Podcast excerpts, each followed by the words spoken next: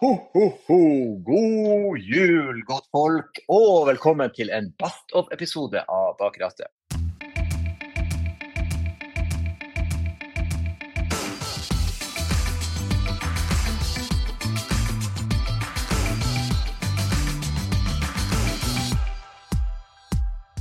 Vi har hatt en eh, helt spektakulært bra sesong med fantastiske gjester og enormt mange store øyeblikk.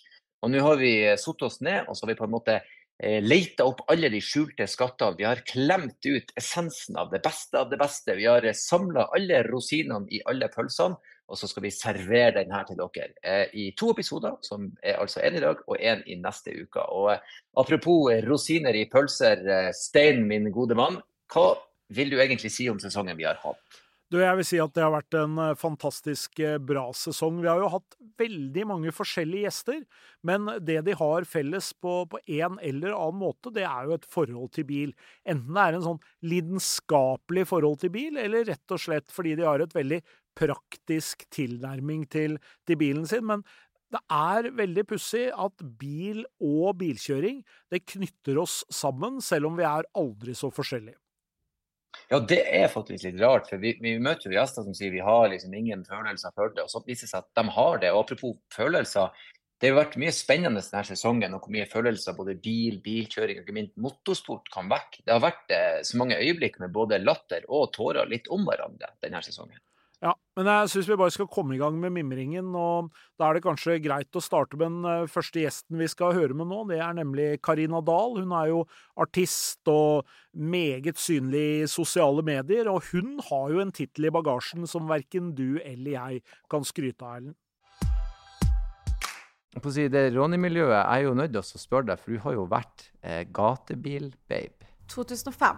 2005. Eh, var du på treffet da? Hvor hen i landet var det? Kan vi snakke litt om det? Det var jo Rudskogen. Ja. ja. Nei, der handla det jo om Altså, jeg vokste jo opp eh, og dansa og sang. Det var jo det jeg drev med. Mm. Og alle muligheter jeg fikk til å opptre, det var liksom Mm. all in. Mm. Så ble Jeg husker ikke helt hvordan det kom inn på det gatebil-babe-opplegget, men jeg så jo på det som en mulighet til å opptre, da. Mm. Og jeg hadde jo planlagt det showet, og det var jo den koreografien, og det var liksom ikke måte på. Mens de andre jentene kanskje bare gikk litt ut på scenen der og vinka og sånn, men jeg hadde jo det showet. Det var jo men det er derfor jeg Det gjorde, er lurt, gjorde det. lurt tenkt. Ja, så da vant jeg jo det årets gatebil-babe, da, så det var jo stas.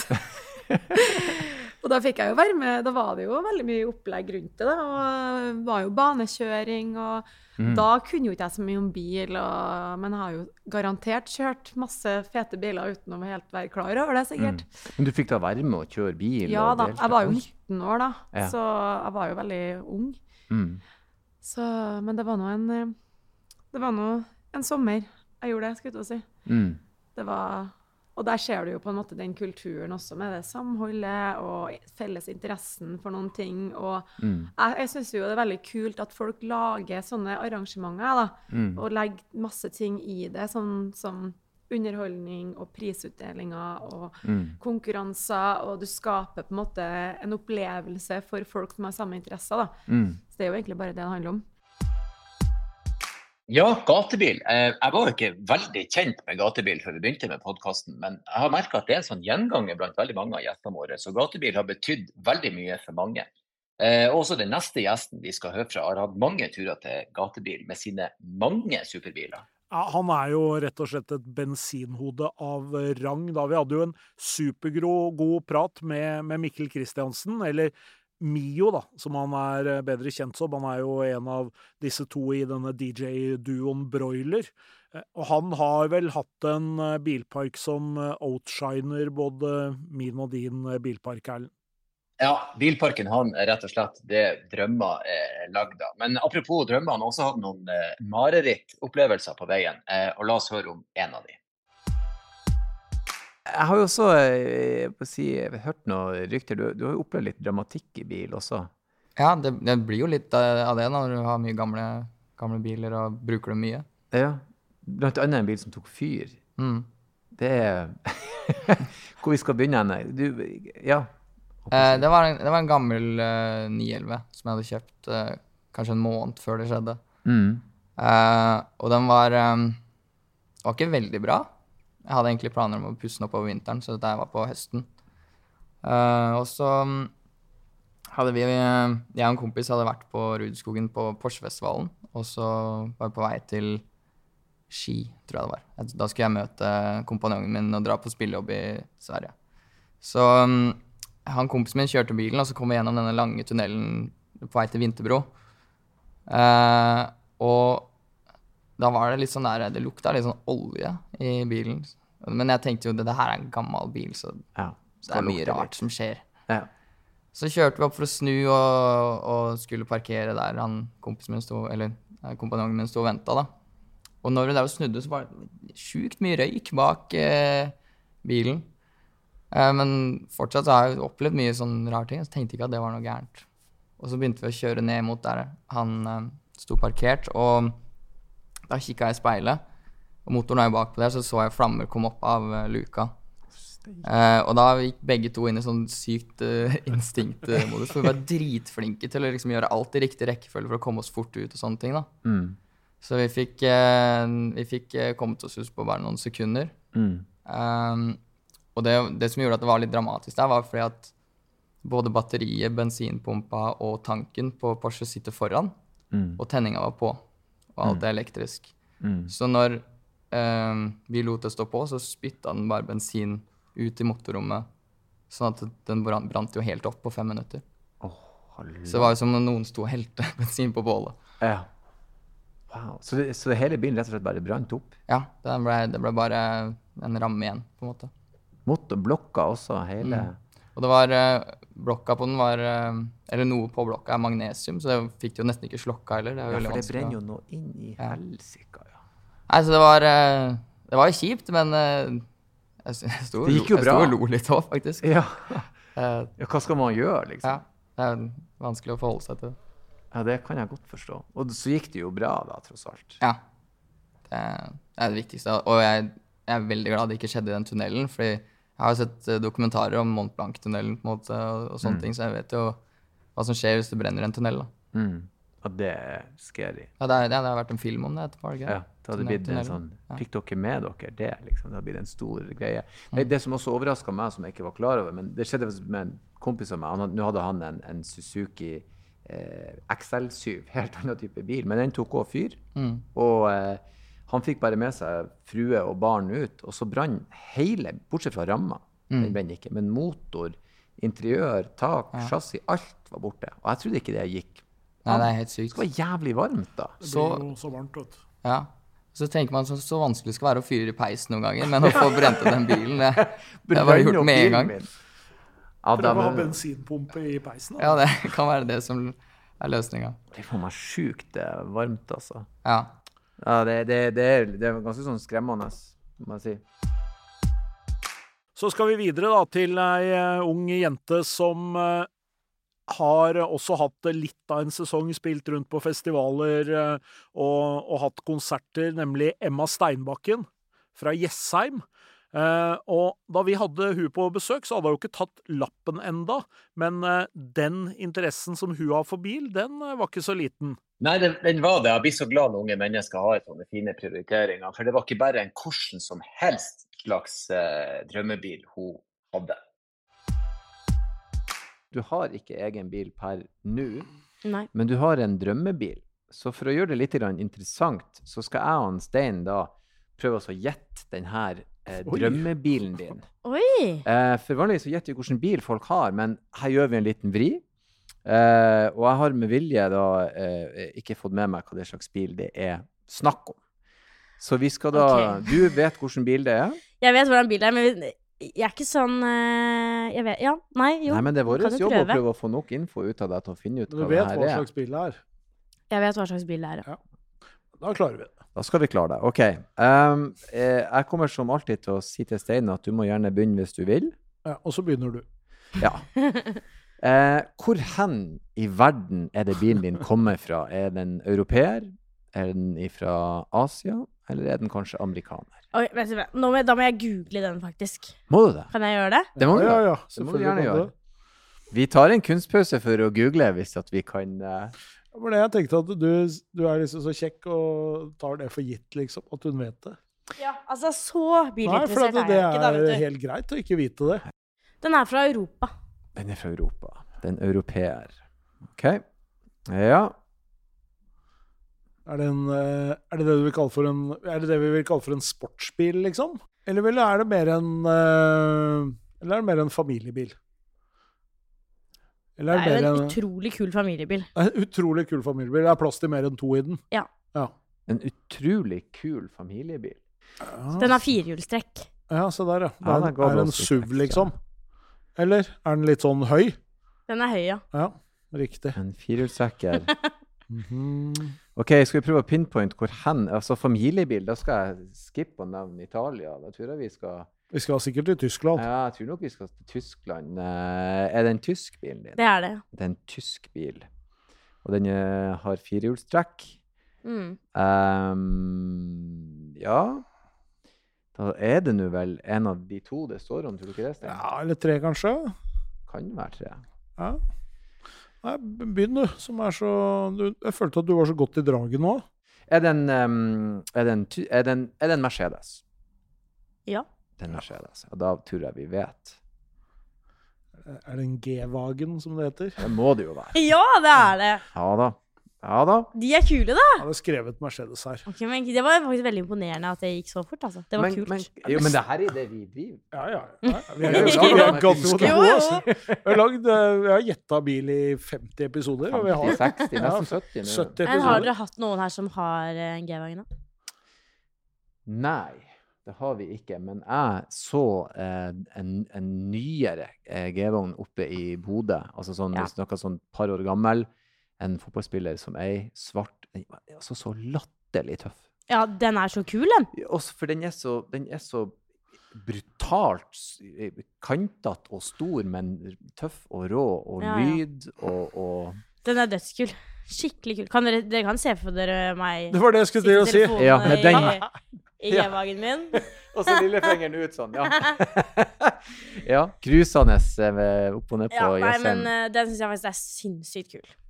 Den er ekstremt kul bil. Det er jo også en av de bilene som jeg vil tro at hvis du får tak på den, så vil du vel antageligvis tjene litt penger når du har hatt den en stund og skal selge den.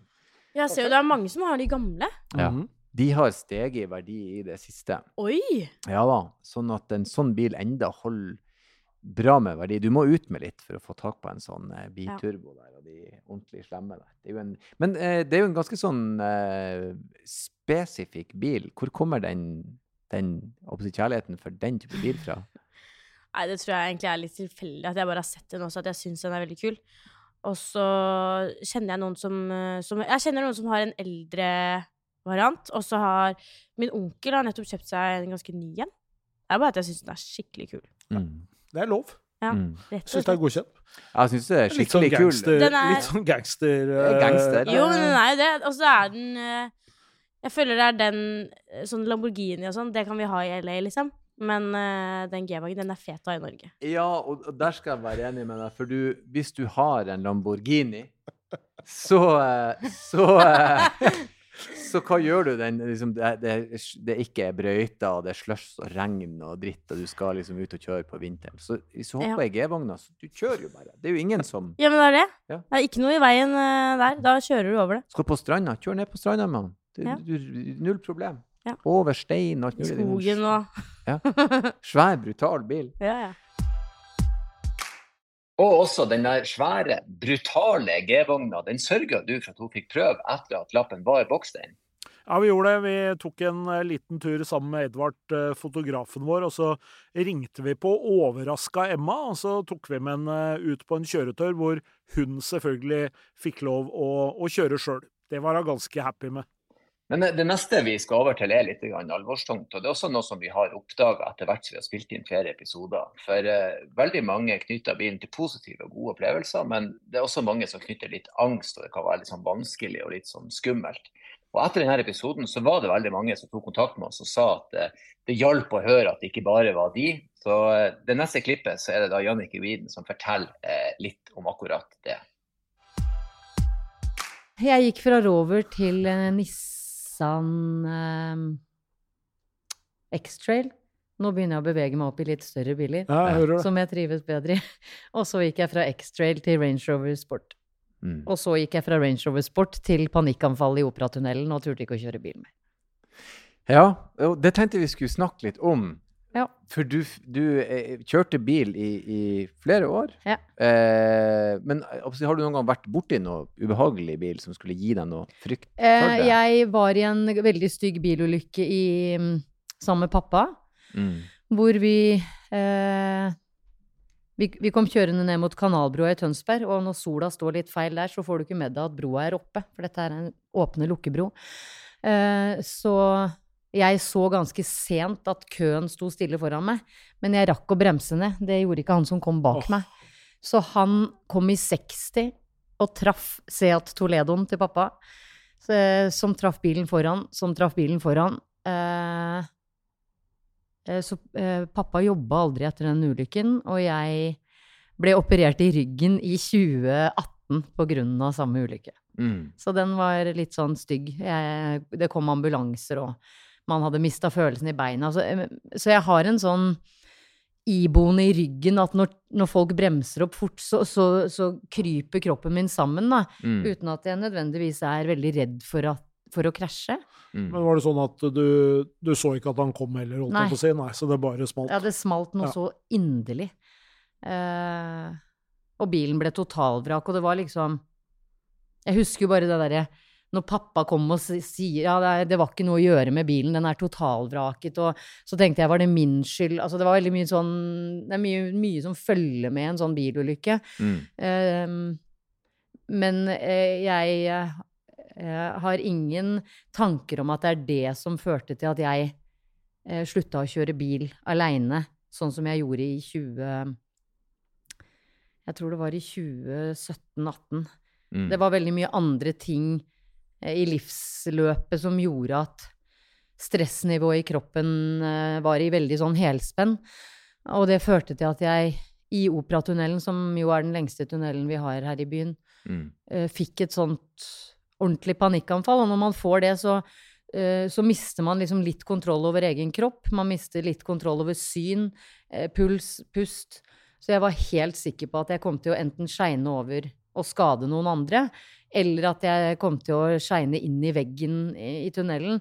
Eh, Så jeg var sånn Ok, skal jeg stoppe på en lomme? Skal jeg stoppe på lomme? For det er jo disse eh, nødlommene men så tenkte jeg jeg må ut, jeg må ut. Og så var det var til slutt så ubehagelig for meg at jeg kjørte av eh, utkjørselen ved Kvernebyen, og så måtte, måtte jeg bli henta da Mm. eh, der. Mm. Av en som kom joggende og måtte kjøre bilen min hjem. Mm. Eh, og etter det så har jeg fortsatt ikke kjørt i tunnel aleine. Mm. Men det, det kom eh, du, altså, flere ting i livet som gjorde at du fikk den opplevelsen. Men du satt og kjørte den, og så skjedde det i tunnelen, da, rett og slett. Ja, jeg eh, jeg gikk jo på et tidspunkt i livet mitt fra å være hun blide folkelige programlederen til hun med angst. Mm. Fordi jeg fikk et panikkanfall på God morgen Norge. Jeg har det med å få på veldig hyggelige, hyggelige steder. Eh, så Og det klippet jo, går jo fortsatt sin seiersgang på YouTube, at jeg eh, forklarer hva som foregår. Um, og jeg kan godt få et panikkanfall sammen med dere her nå, eller på God morgen Norge for den saks skyld, men idet du ligger i 100 km i timen, og, um, og konsentrasjonen noen, eh, noen helsearbeidere vil si at konsentrasjonen din øker veldig, fordi du er i en fluktsituasjon, eh, og du er liksom var på ting rundt deg, og du blir liksom over eh, Over Hva skal jeg kalle det, da? Overnøye. Jeg har mista ordet etter covid. Overkonsentrert er ordet jeg leiter etter. Mm. Så eh, han, jeg går, eh, han jeg prater med en gang i uka nå, sier jo liksom det er i hvert fall ikke farlig for deg å kjøre bil, fordi du er så oppmerksom, fordi du følger med på alt. Men eh, akkurat den oppmerksomheten merker man ikke når fluktresponsen i hodet er at du må komme deg unna situasjonen.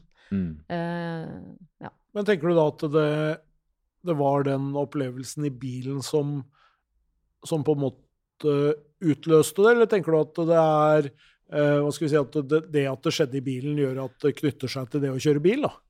Eh, det siste. Ja. Ehm, det ble så jeg kan rangere panikkanfallene mine fra én til ti. Og akkurat nå så ligger jeg kanskje på fire. Mm. Fordi jeg er i en situasjon som Jeg kan ikke reise meg opp og gå ut døra uten å ødelegge podkasten deres. Ja, riktig. Det, Ja. ja. det er ei spenning knytta til Ja, der det er et eller annet sånn Mm. Jannicke, nå Det kan være alt fra å sitte hos frisøren, tannlege, eh, steder hvor du, du ikke helt veit når du kan gå, eller om folk rundt deg syns det er rart om du reiser deg opp. Det kan være i Jeg tror jeg hadde sagt nei takk til middag på Slottet, liksom, fordi Ja. å sitte stivpynta med en sånn kjøttbit på gaffelen og få et sånt voldsomt panikkanfall, og så reise meg opp og gå fra monarkene. Det, mm. Det er dårlig stil. det er litt sånn dårlig stil. Da er stil. du opptatt hvis du blir Ja, invitert. men det verste er jo også da at det er gjerne da det kommer, når du absolutt ikke skal ha det. Og det har jeg jo lært meg da, å rangere disse anfallene ganske greit. Og det anfallet jeg fikk i operatunnelen, um, veide jo langt over ti. Mm. Det er liksom et av de verste jeg har hatt. Um, så da blir man jo redd for at det skal skje inni tunnelen igjen. Ja, så klart. Men hvordan kom du på en måte tilbake igjen til det å kjøre bil? Vi har jo vi snakka litt om det før men vi har hatt gjester her før som har opplevd sånne ting når de kjører bil, at de plutselig blir redd for å kjøre bil eller være i bil. Ja. Men hvordan, hvordan tilnærmer du deg den situasjonen igjen? Nei, det jeg For det første så eh, Når ting i livet ordner seg litt mer igjen, Mm. eh, når man f.eks. kommer seg ut av et usunt forhold, eller eh, bytter jobb, eller uten at jeg Bare som for eksempel. Tilfeldig Som et tilfeldig valgt eksempel. Valgte, eksempler. For noen andre kan det kanskje være å flytte, Ja, ikke ja. sant? Jeg bare nevner i fleng. I det livet kanskje endrer seg til det bedre Mm. på andre plan i livet, så kan det jo hende at stressnivåene i kroppen også roer seg. Eh, så til deg som lurer på om du skal bytte jobb eller Gjør det. mann eller kvinne, eller Da Mm. gjør det hvis det, det kjennes riktig. Mm. Eh, nei, det skjedde i hvert fall med meg, i tillegg til at jeg eh, I tillegg til at man liksom begynte å kjenne For meg så er klatring en sånn veldig eh, beroligende ting, for det er veldig konsentrasjonskrevende og styrkekrevende. Eh, så jeg begynte med å bestemme meg for at hvis jeg får panikkanfall på klatresenteret, så skal jeg bli der. Mm. Eh, og sånn begynte egentlig hele veien min tilbake til, fordi mitt ultimate mål er å tørre å sette meg Ja, Nå begynner jeg å grine. Ah. Eh, mitt ultimate mål er å sette meg i, i IX40-en min og tørre å kjøre aleine til Hemsedal for å stå ski. Ja, ja. Eh, og det skal jeg klare en dag. Eh, inntil videre så har jeg eh, ekstremt bra mennesker rundt meg eh, som eh, godtar at jeg prøver å låne deres bil, som det har vært frem til nå. Mm. Eh, frem til jeg nå da har et abonnement på, på bil Mm. selv. Eh, som har vært eh, alt fra kassebilen til eh, elektrikeren eller eh, stasjonsvognen til naboen. Altså, Mm. som har sagt, når jeg bare har spurt kan jeg få lov å prøve å kjøre litt, hvor de har ja, ja, selvfølgelig. Mm. eh, og jo større bil de har, jo gladere blir jeg jo lenger har jeg turt å kjøre. Mm. Eh, og så har jeg til og med, nå klapper jeg for meg selv, eh, begynt å kjøre med sønnene mine. Ingen av de har lappen. Mm. Fordi det har også vært Ja.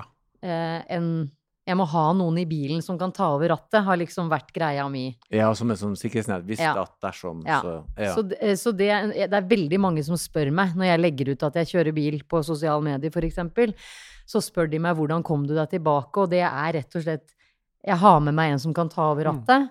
Mm. Eh, og nå har jeg kommet så langt at jeg har med meg en på 14, liksom, og så hjelper det også. Mm. Eh, jeg unngår dessverre fortsatt eh, tunneler og eh, europaveiene. Mm. Eh, men jeg har vært ute på eh, ringveien, både ring 2 og 3. Mm. Um, og kjenner jo en barnslig mestrer... Jeg har alltid sagt til folk at jeg er født uten mestringsfølelse. Jeg kan klatre en rute jeg har jobba med i flere uker, og få det til, og så er det sånn «I!» Og så er det jo Mm. Det varer i Går fort over. Ferdig. Det går veldig fort next. over. Mm. Og en av de tingene Jeg har gitt ut en bok eh, for noen, eh, par, par-tre år siden som het 'Noen ganger er jeg redd', hvor jeg har viet et helt kapittel til Range Roveren min. Mm. Fordi det er vel det nærmeste jeg har kommet sånn å bli glad av noe hver gang jeg gjør det. Og apropos litt skumle opplevelser, da. Vi hadde jo stjernemanager og reality-stjerne David Eriksen på besøk. Du, det er helt riktig. Han har hatt masse opplevelser i bil og kjørt noen helt ville biler rundt om i verden. Men uh, han har også hatt et uh, smått spektakulært møte med trikken midt i Oslo sentrum. Så har jeg en gang blitt uh, påkjørt av trikken, da. Trikken. Ja, Den er jo ikke heller tilgivende. Det er ganske mye masse og Nei, jeg prøvde å krangle med forsikringsselskapet, men, men det anbefales ikke. Det, den taper du, så spar tiden. Så det er bare å legge ned. Ja, men jeg, jeg så er det? kjører, og så legger jeg meg Så er det sånn Det, går en, det blir en venstrefelt når Mm. trikken eh, har eget felt, men den går inn i den. Så ser jeg trikken komme, men jeg syns han kom såpass sakte, så jeg la meg foran, jeg.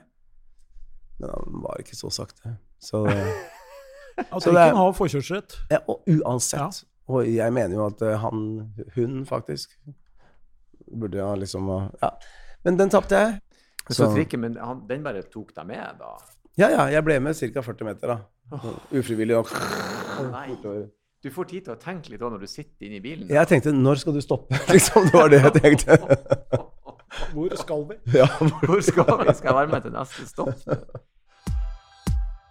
Men du Stein, det er altså ikke ofte jeg blir eh, starstruck, men den neste gjesten vi nå skal få et gjennom med, var på besøk, så er det faktisk en av de få gangene jeg måtte sikre meg en selfie. Han er jo et ikon, da. Vi, vi satt jo bare som tente lys og, og hørte da han fortalte om eh, sine reiser rundt i verden på jakt etter den virkelig store matopplevelsen. Og matopplevelse er jo clouet her. Det er jo selvfølgelig Eivind Hellsøm det er snakk om, og han lærte oss om eh, Michelin-guiden. Og den måten han snakka om reise og bil på, er akkurat like si, lidenskapelig og fengende som måten han snakka om mat på. Eh, riktig, riktig bra gjest. det å kjøre rundt på franske landeveier, på jakt etter eh, de gode destinasjonene, spisestedene og alt der Ok, Michelin har hjulpet eh, menneskeheten til å finne frem Mm. når de skapte sin guide med Mm. stjerner i sin tid. Og det er jo mer enn 100 år siden den kom ut første gang. Den har jo hjulpet folk til å Eller det mange ikke er klar over, er at Michelin-guiden var jo først og fremst en, en guide hvor man kunne skifte dekk, hvor man kunne skifte olje, som vi holdt på med den gang. Mm. Og eh, hvor du kunne reparere bil, og, og eh, når du holdt på med det, så anbefaler de et overnattingssted. For det tar liksom tid å reparere den bilen. da. Mm. Eh, og så begynte de med spisesteder, eh, og anbefalte. Og så begynte de med stjernesystemet sitt i tidlig 1930. Mm. Og det har de jo holdt på med, og nå er de jo øh, altså verden rundt med guidene sine. Ja. Eh, men den gang så var det jo bare Frankrike. Og hele ideen med Michelin-guiden var jo at folk skulle ut på landeveien for å slite dekk og kjøpe nye. Mm. Så det var jo genialt.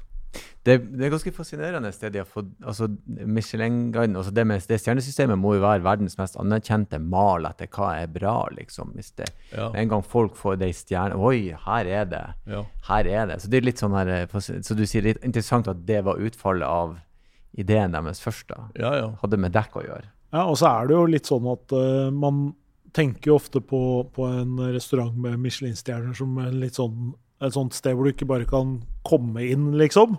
Ja. Men, men eh, jeg har jo opplevd å være Var i Italia, var i Aisingano, og, Ja, ja. og, og vi bare tenkte vi må jo sjekke er det mulig å spise her, liksom. Og det Ja. var bare sånn. Kom inn, ja, ja, ja. sett deg ned. Der satt det en hund ved siden av et Ja, bord og spiste. Det var liksom, det var ikke noe sånn Det var fantastisk Ja. mat, men det var jo ikke noe jålete på den måten. Altså, kanskje vi har et litt sånn skrudd forhold til det også i ja, Norge? det er, absolutt. Men du kan si hva man vil om stjernesystemet, da, som er 1, 2 og 3.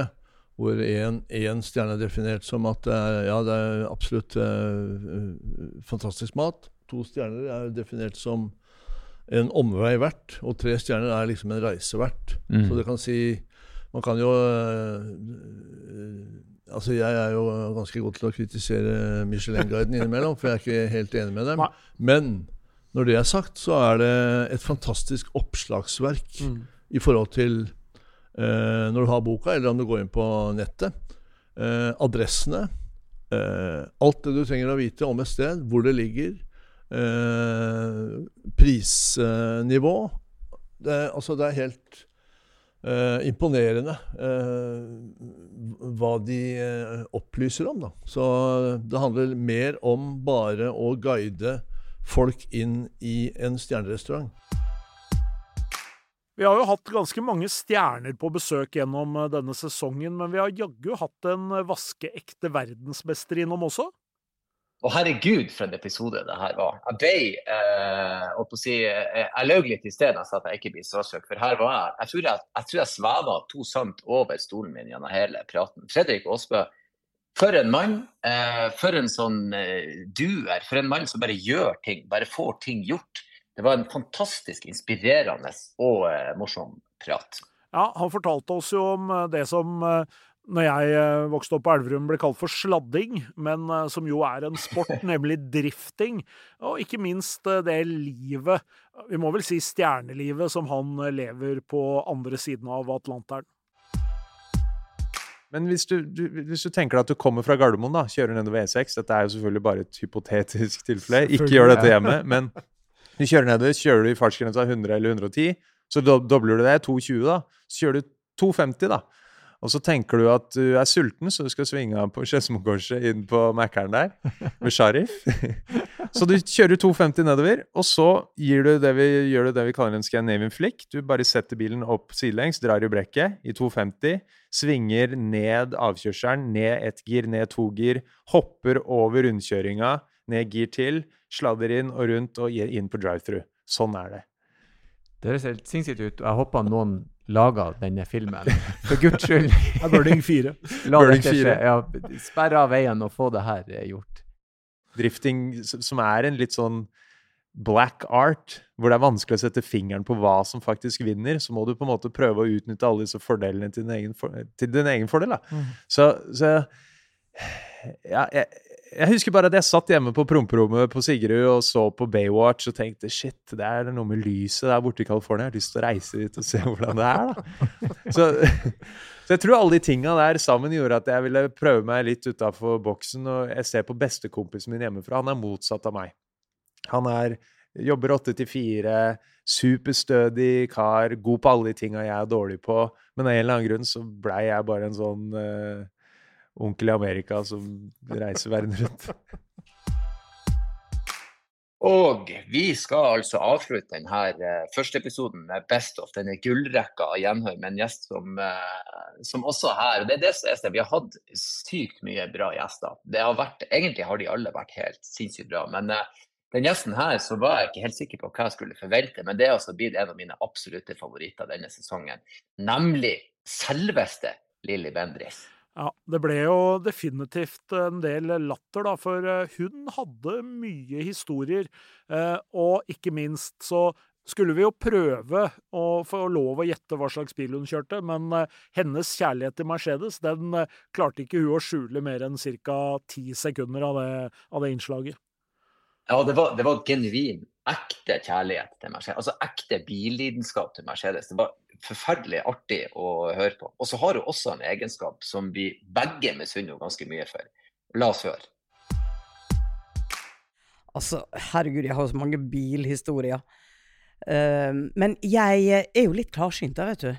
Så jeg husker det at uh, etter jeg hadde liksom åpna virkelig opp for denne gava, som jeg kaller det, så skulle jeg kjøre til Vestlandet. Skulle til Florø, egentlig. Og da vet jeg at jeg satte meg i bilen, og så er det veldig svingete. Og det er veldig smalt. Det vet vi alt om. Og jeg kjørte ganske fort gjennom svingene, men i enkelte svinger så fikk jeg beskjed det kommer en bil. Det kommer en bil. Det slo aldri feil, og det får jeg fortsatt. Jeg vet når det kommer en bil, og det er en situasjon, sakk ned farta, så er jeg egentlig veldig trygg. Veldig påpassa. Det er litt praktisk å ha sånne da, vet du. Det er veldig, veldig påpassere. praktisk. Ja, det må jeg si. Det er kjempepraktisk. Kan få låne den. Kan Ja. få låne. Ja, jeg tar gjerne han som påsitter. Og selv om ikke vi kan forutse at det kommer en bil rundt neste sving, så forutser vi at det kommer en ny runde med Best of i neste uke.